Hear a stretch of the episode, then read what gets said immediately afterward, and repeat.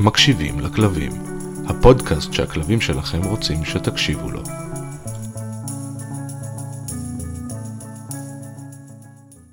מקשיבות ומקשיבים יקרים. את הפרק הזה אנו נקדיש לאריק, הלברדור של נועה, שנפטר לפני מספר ימים ב-19 לפברואר מסרטן אלים. אריק, דביל קטן. אוהבים אותך נורא וכבר מתגעגעים נורא. תודה על כל מה שלימדת אותנו ועל כל השטויות שעשית. בפרק הזה דיברנו עליו הרבה. שתהיה לכם האזנה נעימה.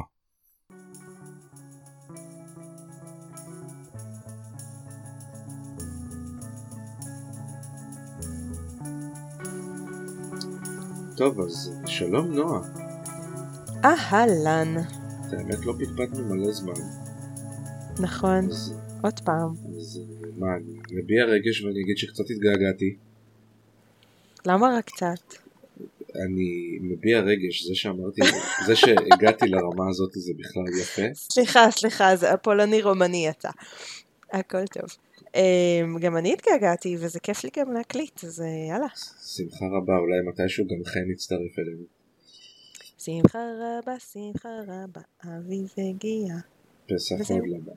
לא. פסח עוד הבא. בקרוב. אבל, אבל, אבל, אה, לפני כמה ימים היה ט"ו בשבט, נכון. ואתה יודע מה עשיתי היום לכבוד ט"ו בשבט? אה, אני יודע, אבל בכל מקרה ספרי למאזינים ומאזינות שלנו. שתלתי שלושה וחצי עצים. אז לא, רגע, תכף אנחנו נחזור לחצי, אבל לא לזה התכוונתי. איך שותלים חצי עץ? אני יודע שזה לא קשור לפודקאסט, אתם תסלחו לנו, אבל זה- זאת שאלה מעניינת. איך שותלים חצי עץ? זה אפילו לא חצי עץ, זה יותר פירור. קניתי בחנות של ה... איפה שקונים את האוכל של התרנגולות, זה חנות חקלאים כזאת. אז יש להם גם עצים. עכשיו הם הביאו עצים לכבוד זה שכמעט אביב. זה כמו שלקריסמס אז כל הקישוטים זה חודשיים לפני, אז כזה בערך עם האביב, אבל לא נורא, זה דווקא טוב. אז הם הביאו עצים, וחלק מהעצים שהם הביאו זה בעצם שקית עם בוץ ואדמה, ובתוכה כמה שורשים, שמתוכם בלמעלה למעלה מציץ מין כזה, אפילו לא זרד, אי אפשר אפילו לקרוא לו זרד. הוא קטן, והוא באורך של אצבע בערך, ויש לו כאילו עוד ענף שיוצא ממנו, ואפשר לקרוא לזה התחלה של משהו. זה פירור של עץ. את לפחות יודעת מה אמור ה- לגדול מזה? כן, כן, זה אמור להיות עץ רימונים. אה, אוקיי. סבבה. אז זה פירור של עץ רימון, וכמובן שאחרי ששתלתי אותו, אז התרנגולות אמרו, איזה יופי של ערימה עשית בשבילנו.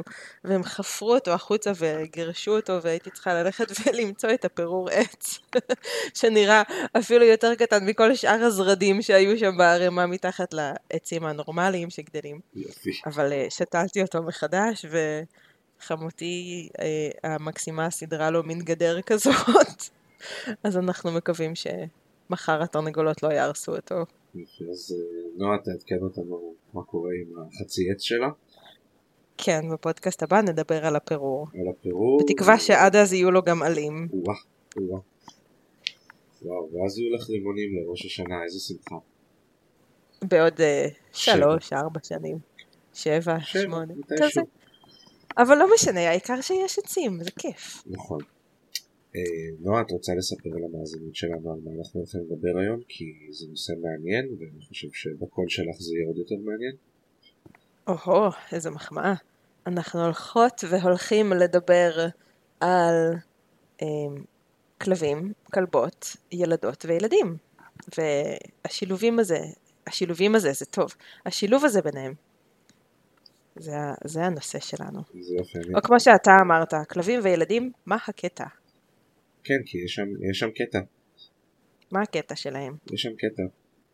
מה הקטע של קרמה שהיא מטורפת לדין על התחת, לא על התחת האמיתי, כאילו היא פשוט אוהבת אותו בטירוף. זה למה? מאוד אינדיבידואלי שלה, אני לצערי לא יכול לשאול אותה והיא לא יכולה לענות על זה, אבל כנראה שיש משהו ש... וואלה תבדקי אם הוא לא מחביא אוכל מתחת לשמיכה ומאכיל אותה בלילה. לא, את, היא, היא ראתה אותו, בפעם הראשונה שהיא ראתה אותו כשהייתה גורונת בת שלושה חודשים, היא הלכה, התיישבה לידו על הכורסה שהוא ישב בה, אני מנסה לקרוא לגורים וכזה להבין מי נגד מי ובאיזה גור אנחנו הולכים לבחור והכל, והיא רצה, עולה על הספה, מתיישבת לידי, שמה לו ראש על הכתף וזורקת לי מבט כזה של זה הילד שלי ורק שתדעי שאני באה איתו הביתה. זהו. ובזה זה נגמר. היא פשוט מתה עליו, אבל מה הקטע של כלבים עם ילדים? למה הם כל כך אוהבים ילדים? אני, אני לא, לא יכול להסביר את זה, למה הם כל כך... זה לא נכון, אני תכף אסביר למה. אני חושב שהם כל כך אוהבים ילדים, אנחנו גם נדבר על למה הם כל כך לפעמים לא אוהבים ילדים גם. כן, זה גם חשוב. את האמת זה הסבר מאוד פשוט, כי ילדים זה לפעמים מעצבן. פשוט ככה. ילדים זה חייזר בעיני כלב. זה חייזר וזה מעצבן. כאילו מילא בן אדם עושה כל מיני דברים מוזרים, יש לו כל מיני חוקים מוזרים, אסור לישון בכל מיני מקומות, אסור לעשות פיפי בכל מיני מקומות, אסור לאכול כל מיני דברים נורא טעימים, לא מבין למה, אבל אוקיי, זה בן אדם. קח בן אדם, שים אותו בגוף של ילד בן שנתיים, שלוש, ארבע, זה זז מוזר, זה הולך מוזר, זה עושה קולות מוזרים, זה קם ונופל. זה בגודל מוזר. זה מנופף בידיים, וזה בגודל של הפרצוף שלהם, בגובה של הפרצוף שלהם, רובם, אלא אם זה כלב פצפון ואז שום דבר לא בגודל שלהם, חוץ מבערך נעל, וזה, וזה עושה דברים מוזרים. אז, אז, אבל, אבל למה הם אוהבים ילדים? למה יש את הכלבים האלה שאתה פשוט, לא משנה איזה ילד תשים לידם, הכלב נדבק אליו ואומר לו בוא תהיה אח שלי. אמ, זה, זה נורא, זה, זה מדהים. זה לדעתי מאותן סיבות. שהם פשוט זזים מוזר, אבל מעניין. הם רוצים לשחק, הם מאוד מעניינים, הם בגובה שלהם, פחות או יותר. Mm. אז, אז מאותן סיבות שהם נורא מלחיצים אותם, אז אני גם אז רואה, גם אז אני רואה אותם? שיש את אלה שמאותן סיבות הם מאוד אוהבים אותם, וגם אם אנחנו נסתכל על, ה, על הרמה, ה, לא יודע איך נגדיר את זה, קוגניטיבית, שכלית, ילדים, כן. כלבים, זה די אותו דבר עד גיל מסוים, נגיד שנתיים, שלוש. שלוש, חכמים כן. יותר, אולי ארבע. אז, אז כנראה שיש להם איזשהו משהו בתקשורת גם ביניהם שלנו כבוגרים אין אותו. כי אצלנו התקשורת היא מאוד מילולית כבר, היא תקשורת של שפה, של דיבור. ואצל ילדים קטנים כנראה ששפת הגוף, מה זה כנראה? שפת הגוף היא שונה. כן, היא מצד אחד יכולה להיות מאוד לא ברורה לחלק מהכלבים, מצד שני ילדים מאוד מסמנים מה שהם מתכוונים פשוט לעשות. הגוף שלהם מדבר, מאוד מוזר לפעמים, אבל הוא מדבר. גם מאוד מגושם ו... וגם יש יש, יש את העניין הזה דברים. שכלבים לא, לא אמורים מטבעם לפגוע בגורים. בכללי חיות. אתה חושב שהם מזהים ילדים כגורים? אני חושב שגור זה גור. אני חושבת שיש בזה משהו. אני חושב שגור זה גור כי אני אקח לדוגמה את uh, סניף, הכלב שלי, אוקיי? הוא לא אוהב גברים, הוא גם ינהם עליהם אם הם ייגשו אליו בדרך שלא מתאימה לו ברגע שלא מתאים לו. הוא מסתדר עם 99% מהאנשים, יש לו בעיה עם זקנים כנראה מהריח, אבל ילדים יכולים לעשות לו מה שהם רוצים. גורים של כלבים יכולים לעשות לו מה שהם רוצים. גורים של חתולים שלא מפחדים ממנו, שלא עושים לו את ה... וכאלה, דברים לא כיפים, מהמם, שלא מתנהגים כמו חתול, מהמם. יכולים לעשות לו מה שהם רוצים. היה לנו גוזל של תוכי, כל עוד התוכי היה גוזל וקטן, הוא התקרב, רכרח אותו והלך. ברגע שזה התחיל להיות קצת יותר גדול, זה נהיה יותר מעניין, זה התחיל לעוף, זה התחיל לזוז. אז כן, יש את הכלבים סלש את החיות שיפגעו גם בגור. נכון. אבל יש הרבה שלא. יש הרבה שלא, ואנחנו רואים את זה בכל מיני תמונות וסרטונים גם ברשתות החברתיות, על הצ'יטה שפתאום אה, בצורה מאוד מוזרה לא, לא הורגת את, ה, אה, את הקופיף. את הקופיף, או את, ה, את העופר, או את ה- whatever, או את ה baby זברה. כן. אה, נכון. כנראה שיש איזשהו משהו טבוע כזה של לא להרוג גורים. אז, אה, אז גם זה לדעתי הוא חלק מהאספקט הזה של אה, זה קטן אבל זה גור, אני מרגיש שזה גור, אני לא פוגע בגורים. למרות שכן יש הרבה חיות שכן יהרגו גורים של מתחרים שלהם, כן, של כן. הלהקה השנייה וכאלה. ממש היום של ראיתי זרים סרטון והכל. של אה, זברה מנסה להרוג אה, baby זברה. די, באמת? כן כן, לא, לא, לא קראתי את כל מה שהיה כתוב שם, לא זה, ראיתי את הסרטון, מניח שזה איזשהו עניין אה. שלהם. כנראה לא, כן. לא גור של הזברה הזה ווואטאבר. כן. אז, אבל אה, בהקשר של הילדים, הכלבים שמאוד אוהבים ילדים, הם פשוט מאוד אוהבים ילדים. כי, כי זה גור. פשוט ככה. אז, אז אני רוצה רגע להזכיר שכלב יכול מאוד לאהוב את התינוק החדש, עד ש... אה, מאה אחוז, ברור, כלב גם עד- יכול מאוד לאהוב את הבעלים. עד ש... כן, רק שעם עם ילדים, איכשהו בתור ההורים שלהם, הרבה פעמים קשה לנו לראות שהעד שהזה הגיע כבר מזמן, והכלב המקסים שלנו מתאפק ומתאפק ומתאפק ומתאפק ומתאפק כבר מלא זמן, כי העד שכבר עבר והילד החמוד כבר מעצבן אותו ממש, ואז הכלב אה, עושה משהו, מאיים, נושך, נושך באוויר, וואטאבר, וההורים פתאום, מאיפה זה הגיע? הוא אוהב את הילד, עד אתמול הכל היה טוב.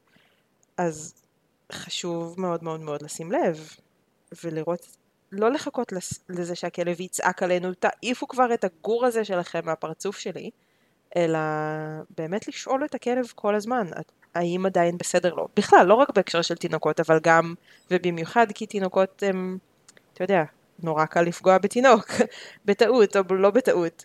שיניים של כלב ופרצוף של תינוק לא בדיוק הולך טוב ביחד. כן, אני רואה אה, שכבר הסתם- אה, עשית לנו פה מה שנקרא סגווי, עשיתי סגווי, כן. עשית סגווי כבר אה, לכיוון הזה של למה הם לא מסתדרים עם ילדים, ו... ומה הסיבות לזה, ו... ואת ממש צודקת, הכלבים מדברים, אנחנו, אני חושב שאנחנו אומרים את זה איזה 29 פרקים בערך, ו- בלבד. אם לנו המבוגרים חשיפת שיניים ונהמה של כלב אומרים משהו אז לילדים ולתינוקות אם לא הסברנו להם את זה זה לא אומר כלום. גם כשהסברנו להם, לוקח שנים עד שילד מפנים ומסוגל לראות בעצמו מה הכלב מנסה להגיד לו. זה ממש לוקח שנים, אני ראיתי את זה עם הילדים שלי, ואי אפשר להגיד שהילדים שלי גדלו בבית לא מודע. הם מגיל אפס בערך שומעים אם הכלב אוהב את זה או לא אוהב את זה, ואיך לדעת, ומה הסימנים, ומה הוא מנסה להגיד. אבל עדיין לוקח שנים עד שהילד הוא מתפתח מספיק ומנוסה מספיק כדי א', לראות שהכלב מתקשר איתו, ב', לא לרצות לעשות דווקא, ג', גם אם הוא רוצה לעשות דווקא אז לעשות עדיין את מה שהוא צריך, שזה להפסיק ולזוז הצידה נגיד. אמ, אז, אז לא לסמוך על זה, זאת אומרת, חשוב כן בעיניי להראות להם וללמד את הילדים מגיל מאוד מאוד צעיר, ותינוקות קולטים המון. מספיק שתינוק אה, מלטפים ביחד איתו את הכלב יד על יד, היד שלנו על היד של הילד, ואנחנו מלטפים ביחד את החיה, ואנחנו מראים לו שוב ושוב ושוב ושוב איך לא לצבות, איך לא לתפוס את הפרווה, אלא ללטף ביד אה, ישרה, באצבעות ישרות. ובסוף הם קולטים, אבל צריך להסביר להם כל הזמן, ושהם יפנימו מההתחלה שאנחנו מכבדים את הכלב, ושזה לא נעים לו, ושאנחנו לא עושים לו דברים לא נעימים, גם אם זה מצחיק אותנו, כי ילדים הרבה פעמים מאוד אוהבים לראות אה, את הכלב מגיב, וזה פשוט מצחיק אותם, לא, לא ממקום רע. אבל החשיבות כאן היא מצד אחד מאוד מאוד מאוד גבוהה, על כן ללמד את הילדים, מצד שני, אל תעיזו לסמוך על זה, ממש לא. זאת אומרת, ההתערבות פה שלנו כהורה היא קריטית, כל הזמן. לא, לא, לא לסמוך על זה שהילד הבין והילד יהיה בסדר עם הכלב. כן אנחנו לא בפודקאסט של הורות אבל אנחנו שנינו כן הורים אז אנחנו כן נגיד את זה ונחזור על זה שוב לכלב יש שיניים כלב יכול לעשות נזק כלבים באים בגדלים שונים והשיניים באות בגדלים שונות גדלים שונים וואו כן, זה עדיין גדלים שונים, לא, גם זה- אם השיניים לא. הם שונות. לא, שוב, שוב העולה הלא חדש שלי. אמ, אבל אוי אוי, נזק, התירוץ הישן. כן, נזק יכול להיגרם. החוק הראשון, את רוצה שננסח לאט לאט חוקים ככה לאורך הפרק? יאללה. אז החוק הראשון שלי, כלב וילד לא נשארים לבד אף פעם. מבחינתי זה אפילו עניין של לא נשארים על אותו משטח לבד אף פעם. זאת אומרת ברגע שהילד יכול ללכת והוא על הרצפה אז הם לא נשארים לבד אף פעם בחדר אחד בלי השגחה של מבוגר אחראי. שמודע, לא מבוגר אחראי שהיא עם הפלאפון. מבוגר אחראי בהשגחה. מב... אני לא אגיד להורים איך. איך להיות הורים. בסדר? אני כן, אתה יודע מה? אני אני לא. כן. אני לא. מבוגר אחראי כן. זה מבוגר שמסתכל על הילד והכלב, או לפחות על אחד מהם. זה, זה מה שנקרא השגחה. אחרת זה שהייה, זה לא השגחה. אם אתה במקרה באותו חדר עם הילד והכלב ואתה לא איתם במודעות ובתשומת לב, אז אתה, אתה שוהה, אתה לא משגיח. זה בעיניי. אז החוק הראשון, כמו שאמרנו, הם תמיד צריכים להיות בהשגחה. כי משהו יכול לקרות. כולל משהו שהוא אפילו לא, לא בכוונה. אני אתן דוגמה. מספיק שה, שהתינוק, אני, אני אתן דוגמה, אני. הקדמתי אותך. מספיק שהתינוק ייפול על הכלב, תודה. ויכאיב לו, או יתיישב עליו, או יישען עליו כשהכלב על הספה וה, והתינוק אה, מדדה כזה ליד ולומד לעמוד וללכת עם הספה, והוא מושך לכלב ברגל או דוחף לו אצבע לאוזן או לעין או לפה. בס... לא, לא משנה מה, תינוקות עושים מיליון דברים שמעצבנים כלבים באופן טבעי, זה בדיוק הדוגמה ו- שרציתי והרבה לתת מהם לכם. בטעות. בדיוק הדוגמה. טלפתיה, איזו טלפתיה. כי, כי תינוקות כשהם לומדים ללכת, הם נופלים. כן, הרבה. והם, יפלו על הכלב. אוקיי? צאו מנקודת הנחה שרוב הסיכויים שאם אתם תנהלו, לא תנהלו, איכשהו זה יקרה. אוקיי? הם גם אוהבים לזחול על הכלב. דין מאוד מאוד אהב לזחול על אריק. כן, וכלבים לא אוהבים. שזוחלים עליהם. נכון. גם אם הם הכי חמודים, גם אם הוא רק נמרח שם נכון. על הרצפה ומסתכל עליכם במבט של או oh וול, עכשיו, זה לא אומר שהם אוהבים אם זה היה גור של כלב שהולך לזחול על כלב אחר, הכלב האחר היה מתקשר לו, תזוז ממני בבקשה זה לא נעים לי. והגור אמור להבין את המסר הזה. ברוב המקרים הוא גם יבין. תינוק Mhm. אנושי לא יבין את המסר הזה. הוא לא ישים לב לחשיפת שיניים. הוא לא ישים לב לנהמה. אין לו, אין לזה משמעות מבחינתו. אז הוא פשוט ימשיך להתקדם. ואז עלול להיות נזק, ולכן אתם צריכים להיות שם הרבה לפני כדי למנוע סיטואציות כאלה. זה, זה הכי חשוב. לשלוף, את הילד מהספייס האישי של הכלב ולהגיד לכלב שאתם נורא מצטערים ובפעם הבאה אתם תזיזו אותו יותר מוקדם וגם ללמד את הכלב שהוא יכול לזוז. זה יפה, ממש ללמד יפה את שנתת הכלב. את הקרדיט ל... ללתת לו להגיע עד הכלב. כשיש לכם תינוק זוחל בבית, הנה זה חוק שני מבחינתי, למרות שזה עדיין כולל את חוק ראשון, התינוק זוחל, הכלב לא נמצא איתו באותו חלל. אל תיקחו סיכונים. גם אם אתם מכירים את הכלב שלכם ממש ממש ממש טוב. אל תיקחו סיכונים, כי תינוק זוחל לתוך הפרצוף זה מלחיץ. כן. גם תינוק זוחל עליך, גם תינוק שעובר מעליך. תינוק, ב... תינוק זוחל זה מלחיץ, בוא נגיד את זה ככה, אוקיי? יש מלא מלא מלא מקרים שהכלב, מה זה מת על התינוק? מה זה מת? סבבה, תינוק חמוד, איזה חמוד, ישן בעריסה, יושב על הספה, האמא מחזיקה אותו, אבא מחזיק אותו, כולם בסדר. עד שהילד מגיע לסביבות גיל חצי שנה, מתחיל לזחול, ופתאום הכלב ולא אוהב אותו. ומתחילות נהמות, ומתחילים מבטים, ומתחיל לעשות לו כל מיני גרר כאלה, ו... ואז אנחנו מקבלים את הטלפון. אמ, את יודעת למה? כמטפלים התנהגותיים. כי, למה? כי כנראה שבזמן שהתינוק היה ב, בעריסה או ב, בלול או על הספה אז הוא לא היווה שום דבר מבחינת הכלב. לא טוב, לא רע, כלום. הוא פשוט היה שם. הוא פשוט היה שם, זה לא הפריע לכלב, הכלב היה יכול להיות בנוכחות שלו, אבל לא היה שום עניין. ברגע נכון. שזה התחיל לזחול, יש עניין. העניין יכול להיות לטוב, אוי זה מעניין זה זוחל מה זה, אוי זה שום... ויש לזה ריח של במבה. כן, זה שום דבר, טוב סבבה, בואי נלך נחזור למקום שלי, ומצד שני, בחלק גדול מהמקרים, זה יכול להיות אוי ואבוי, מה זה הדבר הזה שזוחל כל הכיוון שלי. בגובה הזה, לכיוון שלי, למה זה ממשיך לזחול לכיוון שלי? ובוהבי. ובוהבי ומזיז את הידיים ועושה תנועות מוזרות ופתאום מרים את הגוף וכו' וכו' וכו' וכו' וכו'. מבחינתי לכלבים וילדים יש שלושה מצבים. לא אכפת לי מהילד, שזה המצב הכי נפוץ בדרך כלל בחודשים הראשונים. שלא כל כך אכפת לי, זה לא ממש רלוונטי. הסטטוס השני זה, זה מלחיץ אותי מאוד, כי יש כלבים שפשוט לחוצים מהרגע הראשון שהילד נכנס הביתה. כן. והסטטוס השלישי שכמעט ולא רואים אותו זה... מה זה כמעט ולא רואים אותו? לי לא יוצא לראות אותו הרבה. של איזה יופי, זה חלק מהמשפחה שלי, אני אשכב ליד זה ואני אשמור על זה. איזה קרמה. וגם, וגם uh, ברואין. ברואין היה כזה.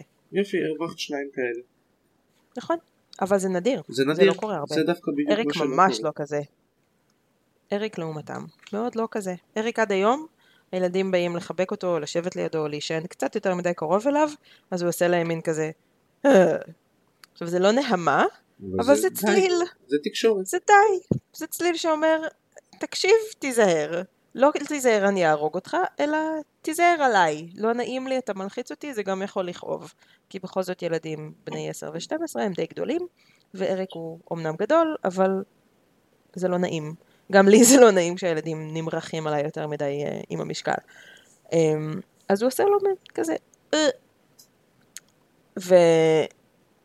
והילדים שלי, שוב, מגיל מאוד מאוד מאוד מאוד צעיר, מפנימים פה שאנחנו מכבדים את הכלב. אז הם יודעים לבד, אני כבר לא אומרת להם, כבר שנים שאני לא צריכה להגיד להם, היי, הוא אמר לכם משהו, תזוזו. הם כבר יודעים.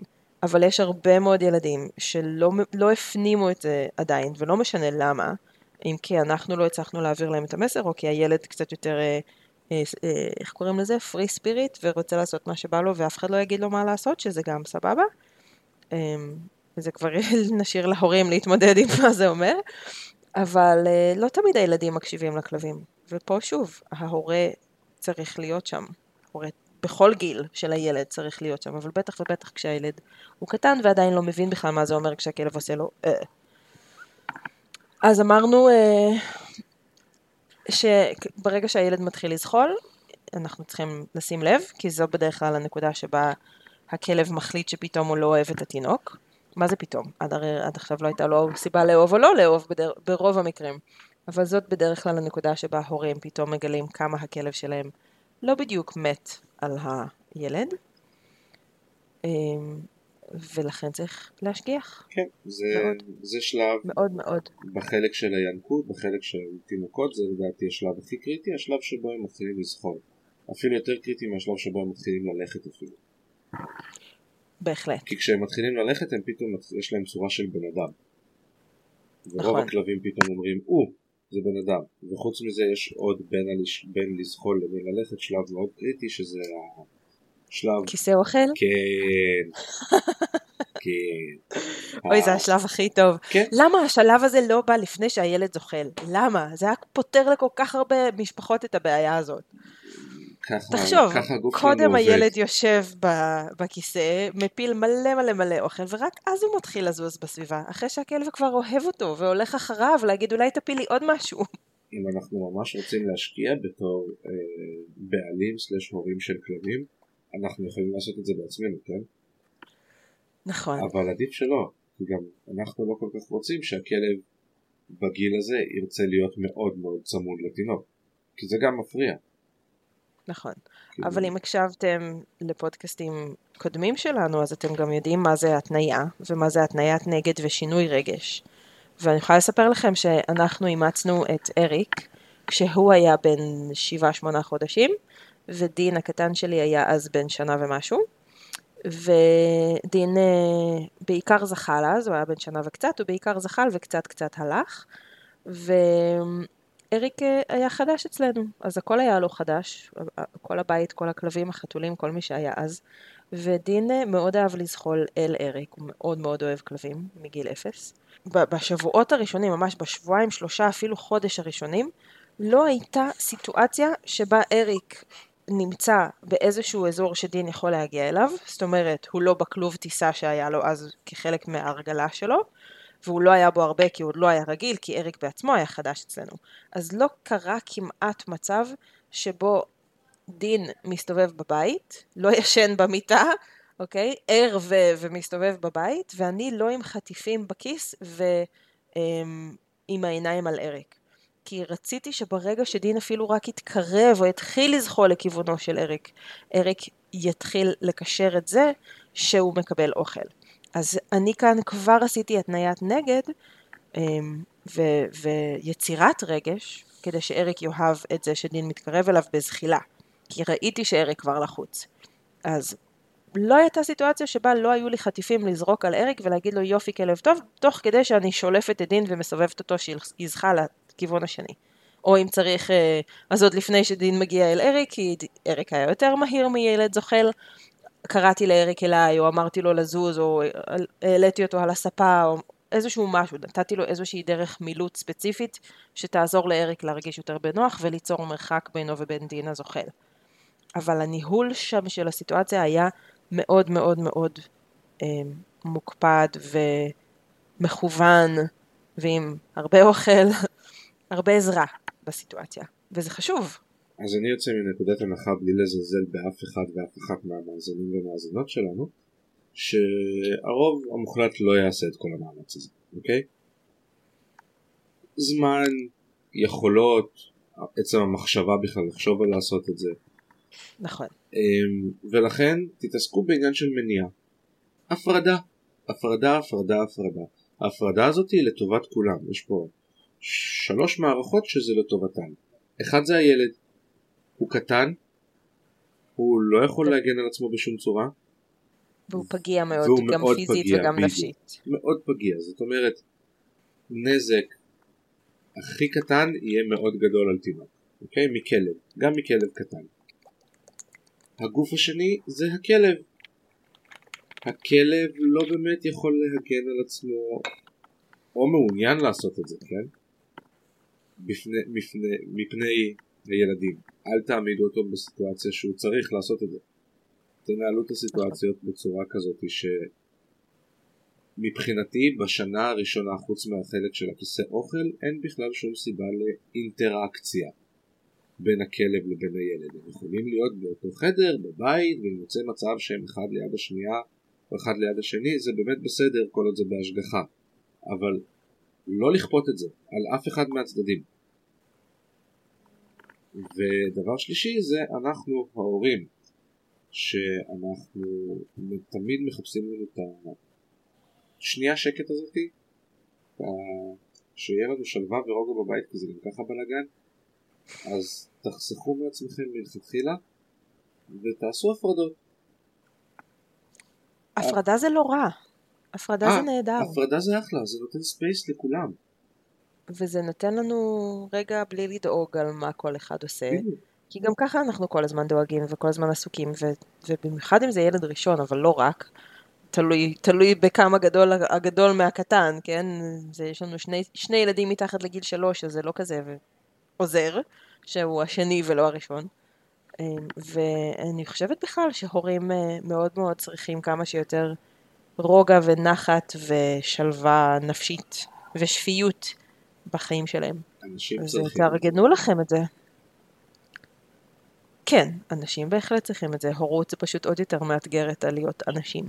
עכשיו, מבחינת הפרדה, יש כמה אופציות. אפשר לעשות הפרדה בחדר אחר. אוקיי. Okay. וחדר לא חייב להיות uh, דלת סגורה ואוי מסכן הכלב מבודד. שימו mm. שער תינוקות. שימו שער, גדר, משהו. ש... שאפשר לראות דרכו, שאפשר לשמוע דרכו, שאפשר להרגיש עדיין חלק.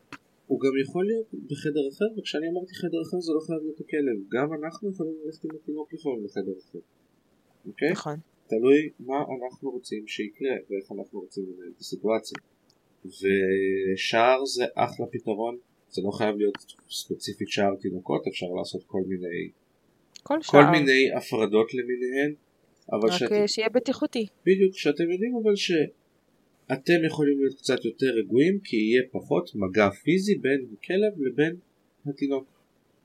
שפיזי... שימו לב, שימו לב, משה אמר פחות, לא אפס. אה, לא אפס. הילדים עדיין יכולים לתקוע ידיים דרך ורגליים דרך ולעבור דרך. וכלבים יכולים לקפוץ מעל. נכון. הכל אם הילד. ערני אז, אז, אז צריך לשים לב ועדיין להשגיח, לא לסמוך על זה 100%.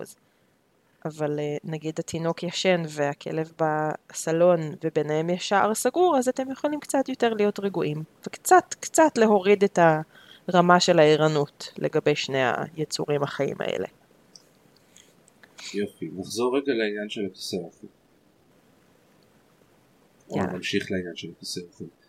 אמ, עד השלב הזה רוב הכלבים באמת יהיו בתקווה יהיו חסרי אכפתיות כאילו לא יהיה אכפת להם יותר מדי לגבי הילד ילדה יותר רגע, אגב, מה? דיברנו על הפרדה, אז דיברנו על שער ועל חדר, אבל גם גובה זה הפרדה. מספיק שאנחנו מחזיקים את הילד על הידיים ואנחנו עומדים והכלב על הרצפה, או הכלב, אה, הילד, סליחה, יושב לשולחן האוכל בכיסא שלו, ויש לנו כלב קטן, אז הנה יש לכם הפרדה. וגם זו דרך טובה לקבע רגע את הילד ולדאוג שהוא לא יסתובב בבית וירדוף אחרי הכלב. אם הכלב אפשר לשים אותו רגע. יודע למקום זה גם הפרדה וזה אחלה לך למקום לכלב ואנחנו מנהלים את התינוק שלא יגיע עד הכלב זה גם הפרדה אם, אם הכלב יודע על המקום טוב, ובוחר להישאר שם. כן כן התכוונתי. יותר קל לכלב לקום מהמיטה שלו מאשר לתינוק לצאת מהכיסא אוכל. יפ. אבל אה, כן, זה גם עוזר. בהחלט. חזרנו לכיסא אוכל בהחלט. כיסא אוכל זה השלב שבו כן. רוב הכלבים מתחברים לילד. אמ, אף אחד לא משקיע שם שום עבודה ושום מאמץ. אף אחד לא עושה שום דבר מיוחד כדי שזה יקרה זה פשוט קורה מעצמו. מסיבה מאוד פשוטה אוכל. ים באוכל שעף לכיוון הרצפה והנה אחד היתרונות הכי גדולים בזה שיש לכם כלב. הוא מנקה לכם מסביב לכיסא אוכל זה שואב אבק עם אה, פרי-ווש. כן. ואם תחשבו על זה גם, ברוב המקרים אין שום בעיה עם זה, כי אלא אם כן הכלב אלרגי או רגיש למשהו, הדברים שתינוקות אוכלים בשלב הזה זה ביצה קשה בלי תבלינים, גבינה לבנה, קוטג', דייסות למיניהם, זה דברים שהם בגדול, דברים שכלב יכול לאכול. רוב הכלבים יכולים לאכול בלי שום חשש ובלי שום סכנה והכמויות שנופלות הן לא כמויות גדולות. אה, יש גם ירקות, נכון. אף לפעמים איזה מלפפון, גזר, גמבה כזה מכיסא, גם סבבה. אמ, אז מה שקורה בתהליך הזה זה פשוט עצם העובדה שהכלב מקבל מלא מלא מלא אוכל מהילדים בלי שהילד יעשה משהו מיוחד, בלי שהכלב יחשוב על זה, קורה חיבור כי הילד הוא מקור, ל... הוא מקור בלתי נדלה לאוכל ורובנו אני חושב מסכים עם זה, מה יותר כיף מאשר מישהו שפשוט מאכיל אותך. לגמרי. יפ, נגיד אשתי זכתה, אני הייתי טבח בעבורי. היא גם הפסידה מהרבה בחינות, אבל היא זכתה לפחות מבחינת האוכל. למה אתה צריך להרוס? אני, אני כזה אני. בדיוק אה, שקעתי לי ב... איזה כיף, מישהו שיודע לבשל שהוא לא אני. יואו, איך בא לי. למה שון לא עושה סטייקים? אה, האמת שלא, אני עושה סטייקים. רספקט? תנק יו. שון, אה, הוא יודע לבשל, אבל זה בדרך כלל אה, דברים כמו צ'ילי וכאלה, שיש מקומם ב- במקומם, בכבודם במקומם מונח, זה טעים, זה אחלה, אבל אה, המגוון הוא קצת, וזה טעים. זה טעים, כן. Um, anyway, בואו נדבר רגע על um, איך מכניסים כלב חדש לבית עם ילדים, וגם איך מפגישים אם נולד לנו תינוק ראשון או שני או וואטאבר, כשכבר יש לנו כלב. בואו נתחיל מה, מהאחרון דווקא. שרציתי. יש. יש. אז אה, מזל טוב, יש לנו כלב. אנחנו יוצאים מנקודת הנחה שהכלב שיש לנו הוא כלב נורמטיבי, אוקיי? בלי חרדות, בלי פוסט טראומות, בלי איזה שהן בעיות מיוחדות שצריך זה להתייחס חשוב, אליהן. זה כן, כן. חשוב ההפרדה הזאת, אנחנו מאוד מדברים חשוב. פה על כלב רגיל, כלב רגיל, שאין אין לו, הרבה כאלו, אבל אה, נכון, בוא נגיד שיש לכם כזה. שאין לו משהו מיוחד שמפריע לו, הוא לא בעייתי עם אנשים חדשים, דברים חדשים, ריחות חדשים, רעשים חדשים, כלב רגיל, מה שנקרא. איפה הייתי? בלהפגיש את נכון, הכלב הרגיל נכון, עם נכון, התינוק. נכון. בהתחשב בזה שאנחנו מדברים על כלב רגיל. אנחנו... אחת ההמלצות הכי ישנות שיש זה עוד לפני שמביאים את התינוק להגיע הביתה עם דברים שעטפו את התינוק, שיש להם את הריח של התינוק ולהביא אותם הביתה כדי שהכלב יתרגל לריח.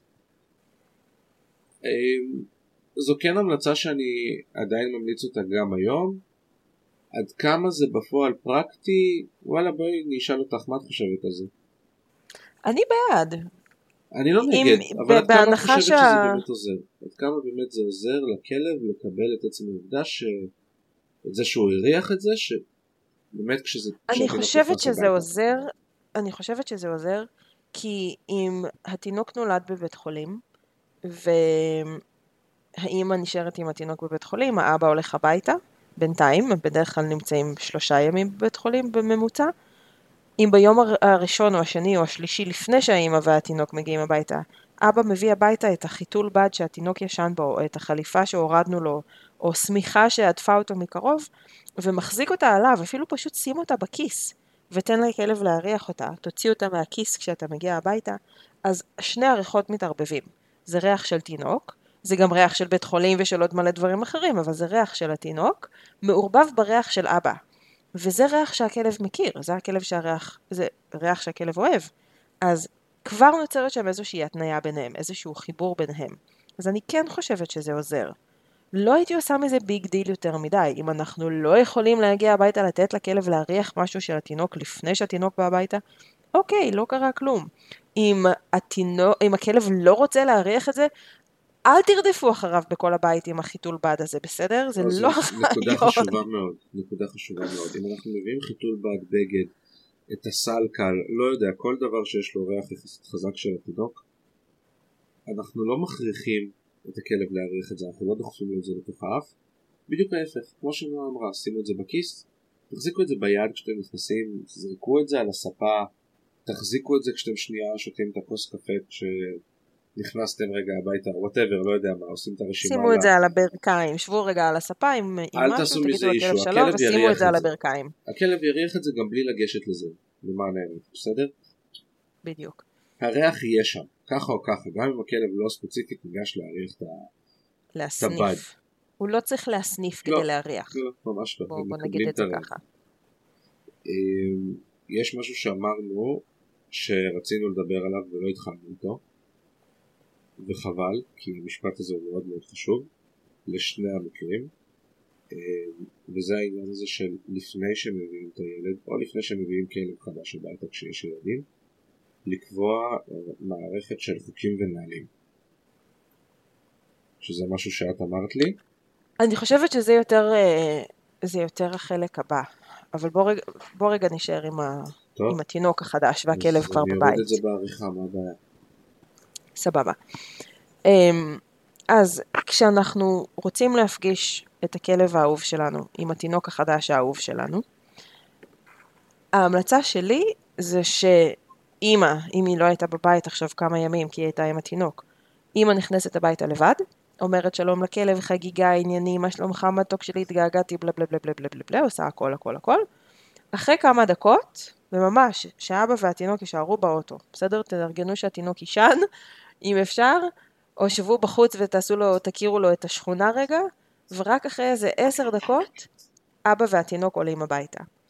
ואז, או שאימא יורדת עם הכלב למטה, זה גם אופציה. תלוי איך היא מרגישה ואם יש לה כוח. ואתם תחליטו. אבל uh, בדרך כלל מה שקורה זה אימא נכנסת הביתה, אומרת, או תודה לאל אני בבית, ואחרי כמה דקות טובות שאימא יכלה לתת תשומת לב לכלב ולראות מה שלומו ולהגיד לו שהיא אוהבת אותו ולהזכיר לו שהיא עדיין חיה והיא לא הלכה לשום מקום והיא לא נטשה אותו והכל בסדר, אז אבא נכנס עם התינוק. ואבא נכנס עם התינוק או בסלקל או על הידיים, אה, מן הסתם, ככה זה עובד בדרך כלל. תחזיקו את, ה, את התינוק בגובה מותניים, אוקיי? לא צריך להנמיך אותו לגובה הרצפה, לא צריך לדחוף אותו לאף של הכלב כדי שהם יכירו, פשוט תחזיק, תחזיקו את התינוק או על הידיים, אפשר להנמיך אותו קצת לגובה המותניים שלנו, ולתת לכלב לרחח אותו מה שנקרא מלמטה, הוא לא צריך לפגוש את הפרצוף שלו, ועדיף שלא, בשלב הזה. נותנים לו קצת להתרחח, אפשר לשבת עם התינוק על הספה או על כיסא אם אתם מרגישים בנוח, אם הכלב רגוע, אם הכל עובר עדיין טוב, פשוט להתיישב ולהתחיל לשהות באותה, באותו אזור עם התינוק ועם הכלב, לא לקרוא לכלב לפגוש את התינוק, לא לעשות מזה big deal, לא להיבהל אם הכלב רוצה רגע להריח את התינוק, להסניף אותו טוב טוב. אפשר ככה בלי לעשות מזה עניין, לסובב את התינוק ככה שהכלב מריח לו רק את הטוסיק נגיד, או רק את הרגליים. אם אתם לא רוצים שהכלב ייגע לתינוק בפנים למשל, או כל הורה ומה שהוא מרגיש איתו נוח, אה, וגם אתם מכירים את הכלב שלכם ומה רמת הסיכון, אני מעדיפה שהם יכירו דרך הרגליים או, ה, או החלק האחורי קודם כל, ואם הכל הולך טוב, לאט לאט הם כבר יכירו והכלב כבר בסוף ייתן לו נשיקה מתישהו, אם הוא ירצה. לא, לא שואפים לזה במפגש הראשון. וזהו, זה כל לא מה בשני. שצריך במפגש הראשון, גם לא בשני, כן. זה כל מה שצריך, זה לא big deal, להיכנס הביתה, לתת לו להריח אם הוא רוצה, להגיד לו שלום, קודם כל אימא ואז להכניס את התינוק, ולכו לענייניכם, הכל בסדר, זה הכל. אני כן אוהבת אם הכלב רגוע ויש לו עבר טוב עם ילדים ואין בלאגנים ואין שום סיבה לחשוב שהכלב שלנו לא אוהב תינוקות, אז אפשר ואולי אפילו כדאי לשבת על הספה, להאכיל את התינוק, או לשבת עם התינוק על הידיים, או וואטאבר, ולתת לכלב להיות לידינו. אם אתם לא חוששים ואין לכם סיבה לדאוג, אז הכלב יכול לישון על הספה לידכם, וה, והתינוק בידיים. או איזשהו סידור שנראה לכם בטיחותי ומתאים לסיטואציה שלכם. אמ, אבל לא, הנקודה שלי בזה היא שלא ליצור הפרדה מלאכותית יותר מדי, שלא לצורך. אם צריך אז תעשו כמובן, כן, אבל לא צריך להפריד בהיסטריה. תגיד שוב. אם יש לכם כלב שכן מהווה באיזושהי צורה סכנה, וסכנה זה לאו דווקא אפילו ביס. יש כלבים שפשוט מאוד קופצים כשנכנסים הביתה מרוב התרגשות, אוקיי? עכשיו, יכול להיות שלנו זה סבבה והכל בסדר, אבל גם כלב קטן שקופץ עם ציפורניים על תינוק בן כמה ימים או בן כמה חודשים, יכול להשאיר עליו סימן. ולנו זה נכון. לא יהיה כיף, לתינוק זה לא יהיה כיף והכלב מאוד ייבהל מכל מה שיקרה ברגע שזה יקרה. אני אומר את זה מניסיון. אז, אה, אז גם כלב שבצורה הזאת מהווה איזושהי סכנה לתינוק, אז תעשו את אותו תהליך שהאימא או האבא, וואטאבר, אחד ההורים נכנס ראשון, נותן תשומת לב לכלב, באזור אחר בבית, מגודר, ואחרי זה ההורה השני, הורה שנייה, נכנסים הביתה עם התינוק, וגם אם הכלב מגודר באיזושהי צורה או מופרד באיזושהי צורה, הוא עדיין יריח את התינוק והוא ידע שנכנס משהו חדש הביתה, הוא לא צריך פיזית להיות לידו. אז אם אתם באיזושהי צורה חוששית, חוששים או חוששות, אז אל, אז, אז אל תעשו. אז אל תעשו את זה. אם זה מפריע לכם ביום הראשון, השני, השלישי, הרביעי, חכו עם זה, תעשו את זה כשתהיו מוכנים, כשתרגישו שהכלב מוכן, הכל בסדר, העיקר שזה יהיה בטיחותי ובשלווה וברוגע. ואם אתם ממש חוששים, אז כנראה שיש לכם סיבה, ואז פשוט תביאו איש מקצוע או אשת מקצוע שמתעסקים בכלבים, שמבינים כלבים, שיעזרו לכם במפגש הזה. היו לי לקוחות... ברור. סליחה. היו לי לקוחות... הערה צינית. כן. היו לי לקוחות עם, uh, עם שיצו ופג, שני כלבים, חמודים, הכל היה סבבה, לא הייתה שום בעיה. חוץ מזה שהם היו קצת שובבים, אז כשלקראת סוף ההיריון של האימא עשינו תהליך עם שניהם של חינוך בסיסי כזה, הרגלה, כל מיני דברים. לימדנו אותם למקום, לימדנו אותם עזוב, לימדנו אותם ללכת אחורה, כל מיני דברים שעוזרים בהתנהלות של כלב ותינוק. ו... כשהם אה, אה, עמדו לצאת מהבית חולים אחרי שהתינוק נולד, אז הם אה, שלחו לי הודעה וביקשו שאני אבוא ואני אהיה איתם כשהם נפגשים. הם גרו בעיר שלי, אמרתי אין שום בעיה, הלכתי, פגשתי אותם בבית, נכנסנו ביחד הביתה, נכנסתי עם האמא, ראינו את הכלבים וזה וזה, ואז האבא נכנס. הייתי שם רק כדי לנהל את הכל, לראות שהכל בסדר ולעזור אם צריך, שלא יהיה להם לחץ. וזה היה נהדר והכל עבר בשלום, והם הרגישו מאוד מאוד בנוח, ומשם באמת התחילה... מערכת יחסים מאוד מאוד טובה בין השני כלבים והתינוק הקטן. סליחה, התינוקת. אמ, אז זה בסדר גמור, יש מלא מאלפים שמוכנים לעשות את זה איתכם, במיוחד אם היו לכלב בעיות וכבר עשיתם איזשהו תהליך עם מאלף או מאלפת, או מטפלת, מטפלת התנהגותית, אז זה לא, זה לא משהו רע. זאת אומרת, אתם לא חייבים לעשות הכל לבד. להפך, כשיש תינוק קטן, העצה שלי ככה כאימא, תעזרו כמה שיותר בכמה שיותר דברים ואנשים. העצה שלי ככה- בתור אבא זה תקשיבו לנועה. כל טיפת עזרה שמישהו מציע לכם, כי זה יהיה מאוד זמני, ואחרי זה לא תקבלו. קודם. כל תגידו כן. כן, כן, קודם כל תגידו כן. כן. על כל דבר, כן. תעזור. תעזרי, כן. כן. בדיוק. אז זהו, אז זה לגבי המפגש. ומבחינתי, זה הכל. מבחינת להכיר את התינוק החדש לכלב שיש לנו, לא צריך להיות יותר מורכב מזה. אם זה יותר מורכב מזה בעיניכם, אז כנראה שאתם צריכים שיהיה שם איש מקצוע בתהליך, כי כנראה שיש איזושהי בעיה התנהגותית עם הכלב. פחדים, תוקפנות, ריאקטיביות, לחץ, ווטאבר. אז זה, זה סיטואציה. מה, מה לא אמרנו? לדעתי.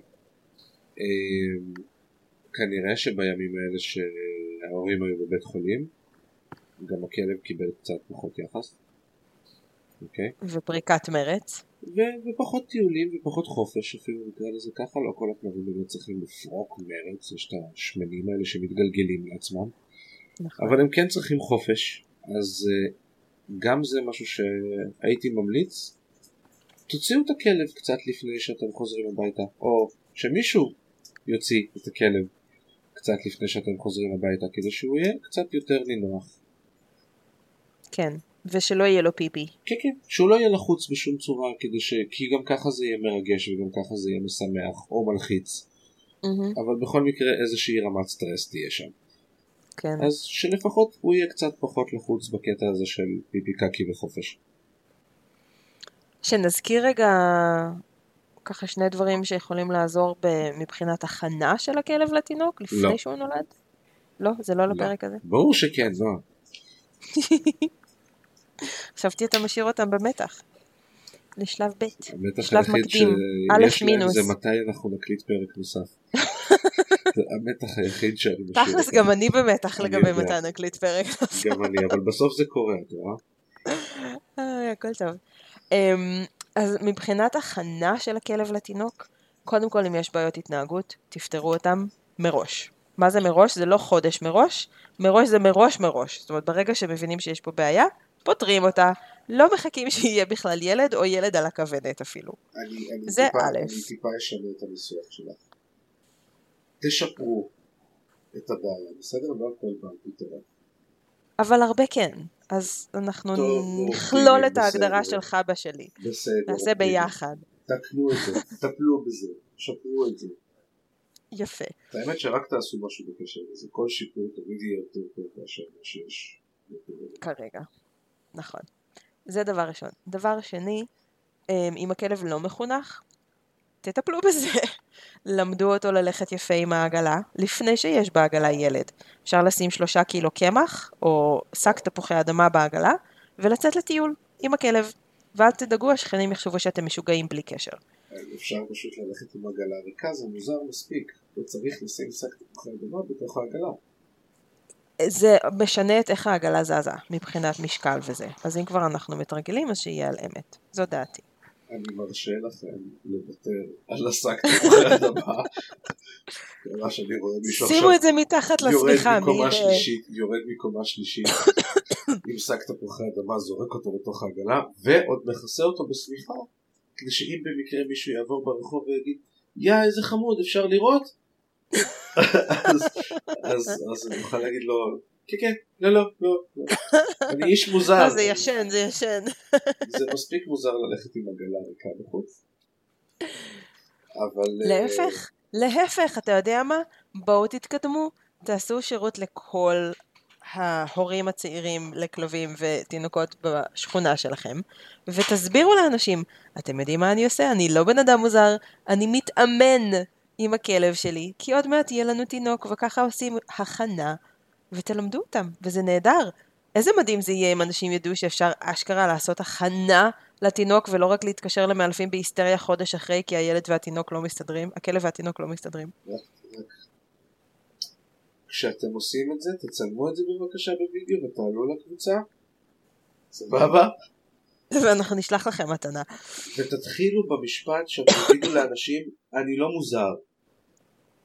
כשאני מסתובב עם שק של תפוחי אדמה בתוך עגלה. עושה תגידו להם, אני לקבר." לא מוזר, זה נועה ומשה אמרו במקשיבים לכלבים. נכון. ככה, תגידו להם ככה ותמשיכו ללכת. אוקיי, אז מבחינת הכנה, אוקיי? קודם כל להרגיל את הכלב ללכת עם העגלה, זה תמיד נהדר. דבר שני, תרגילו את עצמכם ללכת עם תינוק במנסה, זה עוד יותר נהדר. ויש מלא מלא מלא סוגים של מנסאים, חלק קקה, חלק מצוינים ומדהימים.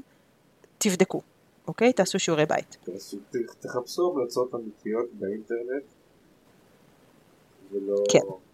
ולא פייק המלצות זה תשאלו אנשים חשוב. אמיתיים בקבוצות אמיתיות של הורים אמיתיים, סבבה? כן זהו. כן, מנסה זה דבר חשוב.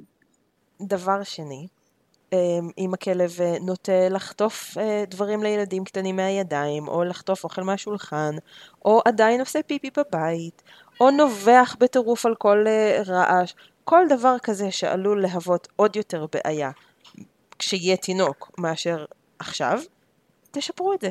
כבר כן, כי זה עכשיו. לא ייפתר, זה רק יחמיר כנראה. רצוי חצי שנה לפני שנולד תינוק, אוקיי? לא חודש לפני, חצי שנה לפני. שיהיה לכם זמן, תעשו את זה ברוגע, בשקט וכן הלאה. אמ, כנ"ל ללמד את הכלב ללכת למקום, כנ"ל להרגיל אותו לתיחום, שזה להיות בחדר סגור או בכלוב סגור או מאחורי שאר תינוקות, או כל דבר שנראה לכם הגיוני לבית ולמשפחה שלכם. תרגילו מראש מראש מראש מראש. ועוד דבר שאני אכניס כאן לתמונה, וזה כן אפשר קצת יותר קרוב ללידה, להרגיל אותו לעוד מטפל שהוא לא אבא ואימא. כי אחרי הלידה יש סיכוי טוב שלפחות אחת האימהות או הדודות, או מישהו, אבא, אימא, סבא, סבתא, לא יודעת מי, מישהו מבני המשפחה בדרך כלל בא לעזור עם התינוק. בין אם זה בא לשעה, שעתיים, בין אם זה בא לכמה ימים, בין אם זה בא כל יום ל-15 שעות, אוקיי? אבל יהיה עוד מישהו בבית איתכם, כנראה, ברוב המקרים. אז תרגילו את הכלב כבר שהבן אדם הזה נמצא בבית, שהבן אדם הזה יכול גם להגיד לו, לכלב מה לעשות.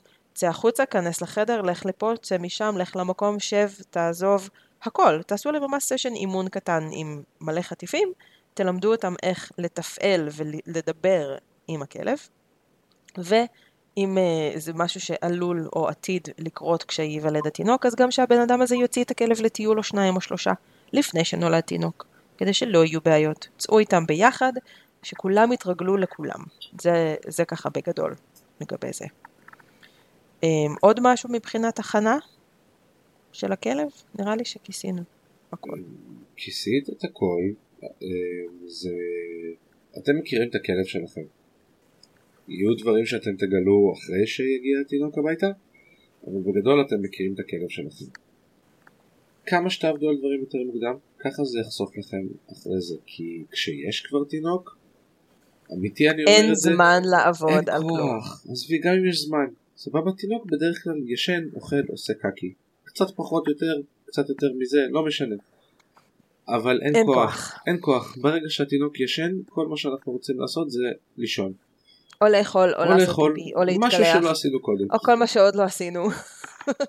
אז, אז תעשו את זה לפני, ואם אתם בכלל חושבים על להביא ילדים באיזושהי מתכונת, אז תעבדו על הדברים החשובים עם הכלב. כי אחר כך יהיה יותר קשה. כי כשכבר יש ילד, יותר קשה. כי יש גם. יש טריגר. גם כי יש טריגר. אז, אה, אז כן, זה מאוד חשוב לעבוד על הדברים לפני. שנמשיך הלאה לגבי אה, איך אנחנו מביאים כלב לבית שיש בו ילדים. כן. אני רוצה, אני רוצה ככה, לא על רגל אחת, אבל די בתמצית, להגיד, בעיניי הדבר הכי חשוב זה שני דברים. אחד, לבחור את הכלב המתאים. לא סתם לקחת איזשהו כלב רנדומלי רק כי הוא נראה חמוד או כי זה גזע שתמיד חלמנו עליו, ולעשות שיעורי בית על הכלב הספציפי, על הגזע הספציפי, על העירוב גזעים אם זה כלב מעורב אם- ואנחנו יודעים מה יש בו, לא תמיד אנחנו יודעים, הרבה פעמים אנחנו לא, אבל תעשו שיעורי בית, תנסו להבין מי הכלב הזה והאם הוא יסתדר עם ילדים, לפני שאתם מביאים אותו. מה אתם רוצים מהכלב, איזה סוג כלב הייתם רוצים, איזה סוג כלב לא הייתם רוצים, מה לא הייתם רוצים חשוב. בכלב. איזה אורח חיים יש לכם, איזה אורח חיים הולך להיות לכם. תתייעצו עם אנשי מקצוע. טלפון למאלף לא עולה כסף בדרך כלל. נכון. אז תתייעצו, תתייעצו, תשאלו לפני שאתם מביאים כלב. אז זה הדבר הראשון, לבחור את הכלב המתאים שייכנס אליכם הביתה, אמ, והמלצה אישית שלי, כאימא וכמאלפת, תינוק וגור זה שילוב גרוע.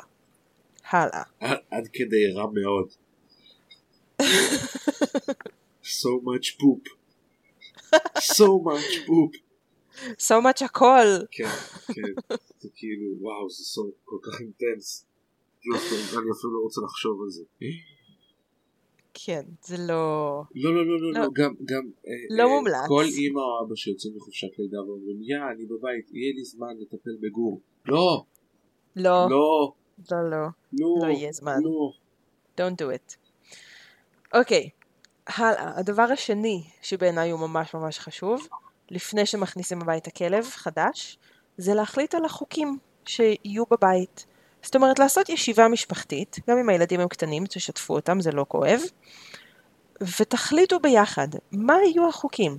האם מותר לכלב, יהיה מותר לכלב העתידי שלנו לישון על הספה? אה, אם כן, על איזה ספה? האם יהיה מותר לו לעלות על המיטות? אם כן, על איזה מיטה? האם אה, מותר לו ללקק את הילד? האם מותר לו ללקק את הילד אבל לא בפנים? כי הילד הוא תינוק בן ארבעה ימים. וזה לא בא לנו שהוא ילקק לו את הפנים. אגב, ברואין פגש את טאן כשטאן היה בן אה, שעתיים, כי טאן נולד בבית, בלידת בית, והוא ליקק אותו בפנים, והוא ריחך אותו והוא נתן לו נשיקה והוא היה מקסים. אוי, לא, אז זה היה אצלנו. כל כך נורא, הכלב נתן לו לא. נכון, אבל יש הורים שלא אוהבים את זה. אבל תדעו את זה מראש, תחליטו מראש. שלא יהיה מצב שהאבא נותן לכלב ללקק את הילד בפנים והאימא מתחרפנת. אוקיי? גם ככה יהיה לכם מספיק דברים להתחרפן עליהם ולהתווכח עליהם, ויש מספיק סטרס ולחץ על תינוק חדש, בין אם הוא ראשון או שני, במיוחד בראשון. תחליטו מראש מה החוקים של הכלב ותגבשו אותם ביחד. חלק מהחוקים זה גם הסדר יום ונהלים, אוקיי? מי מוציא את הכלב לטיול, באיזה שעה מוציאים את הכלב לטיול, מי הולך לעבודה, מתי ואיך הכלב משתלב בתוך הסדר יום הזה, מי מאכיל את הכלב. כל הדברים שצריכים לקרות עם כלב בבית, תארגנו אותם מראש לפני שהכלב נכנס הביתה, גם אם זה לא תינוק בבית, אלא יש לכם ילדים יותר גדולים. בית עם ילדים זה בית עמוס נקודה. אז לפני שמכניסים אליו עוד בן משפחה בצורה של כלב, תחליטו מה הולך לקרות. ושיהיו נהלים. אם אתם רוצים שהילדים יטיילו עם הכלב לבד, אל תביאו לברדור, אלא אם יש לכם טינג'רים בבית. גם בן ה-12 שלי, כמה שהוא חזק ובריון, הוא לא מסוגל לטייל עם הכלבים שלי לבד. כי הכלבים שלי זה קרמה, 40 קרמה. קילו. נכון? הכלבים שלי זה 40 קילו. קרמה רואה סנאי, או קרמה חושבת שהיא רואה משהו בזז בעצים, ואין קרמה.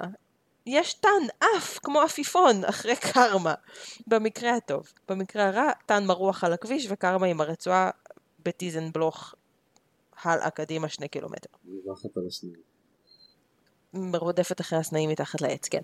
אמ, אז אני למשל, לפני שהבאנו את קרמה, מאוד רציתי כלב קטן וחמוד שהילדים יוכלו לטייל איתו לבד. זה לא קרה. אבל לפני שזה לא קרה, ואז זה היה ב... והבאת כלב גדול. נכון, ענק. וענק, ואנרגטי, ופעיל, אבל זה היה בהחלטה מודעת שאני לא מקבלת כרגע עכשיו את הכלב הקטן והחמוד שהילדים שלי יכולים לטייל איתו לבד, ולהוריד ממני לפחות כלב אחד שמישהו אחר יכול להוציא לטיולים. זה לא קרה. זה היה במודעות מראש. אל תחשבו שהילדים יטפלו בכלב, נקודה.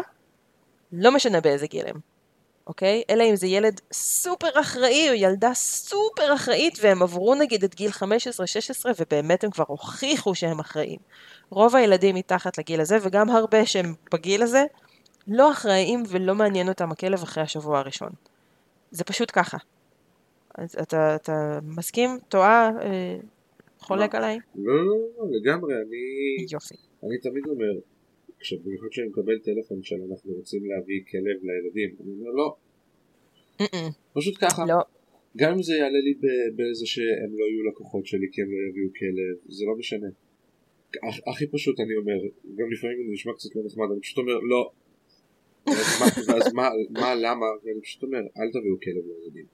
פשוט אם אתם לא. רוצים להביא כלב, אני בסדר גמור עם זה. אם אתם רוצים להביא כלב שהילדים ייקחו חלק בטיפול בו, אני מעולה, אני מאוד שמח. נהדר, אחלה. הכלב כיף לא יהיה גדול. של הילדים, הכלב לא יהיה לילדים, גם אם, גם אם הכלב יישן איתם בחדר במיטה והם אלה שייתנו לו אוכל וכו' וכו' וכו', זה עדיין לא יהיה הכלב שלהם. זה עדיין הכלב של של דבר- אבא ואימא. כן, עלינו. האחריות היא על ההורים. כמו שהאחריות על הילדים היא של ההורים, אז אם אנחנו מביאים כלב, מה שנקרא בשביל הילדים, זה אומר שהאחריות היא עלינו.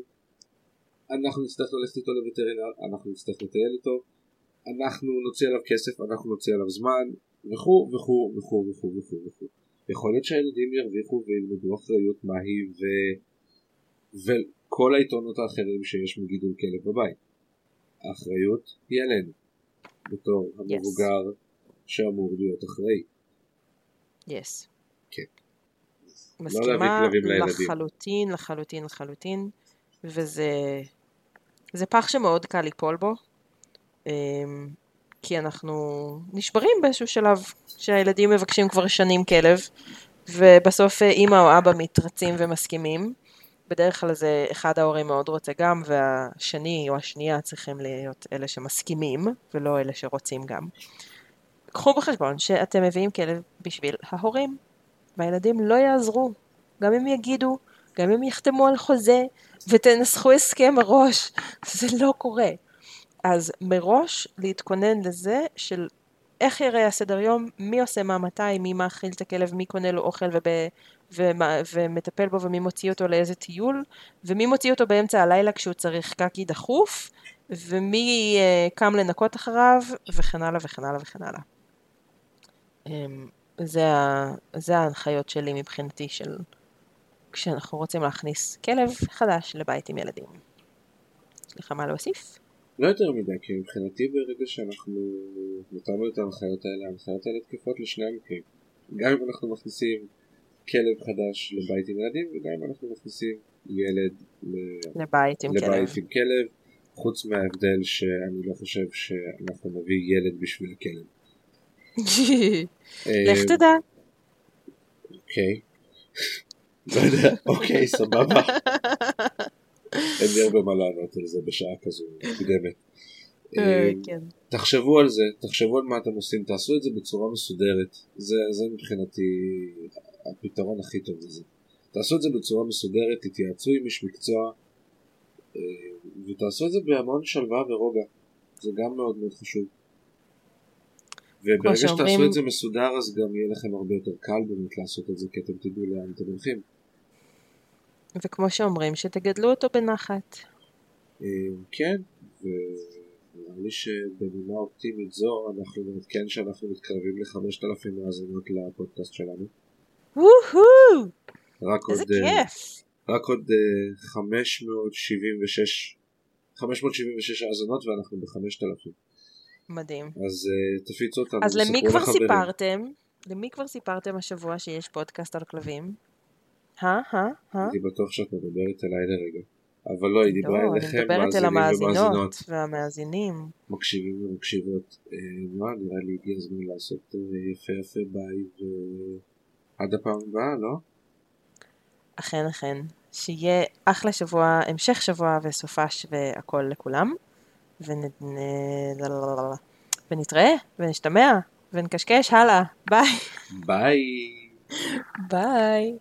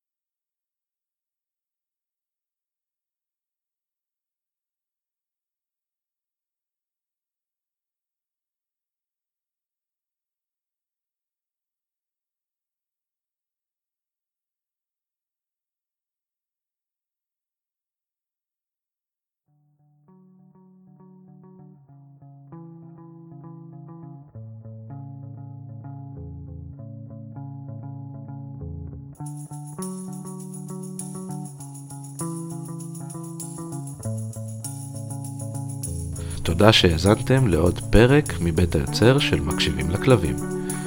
אפשר למצוא אותנו באפליקציות הפודקאסט הנבחרות, לא לשכוח לדרג, וכמובן בדף הפייסבוק מקשיבים לכלבים הפודקאסט.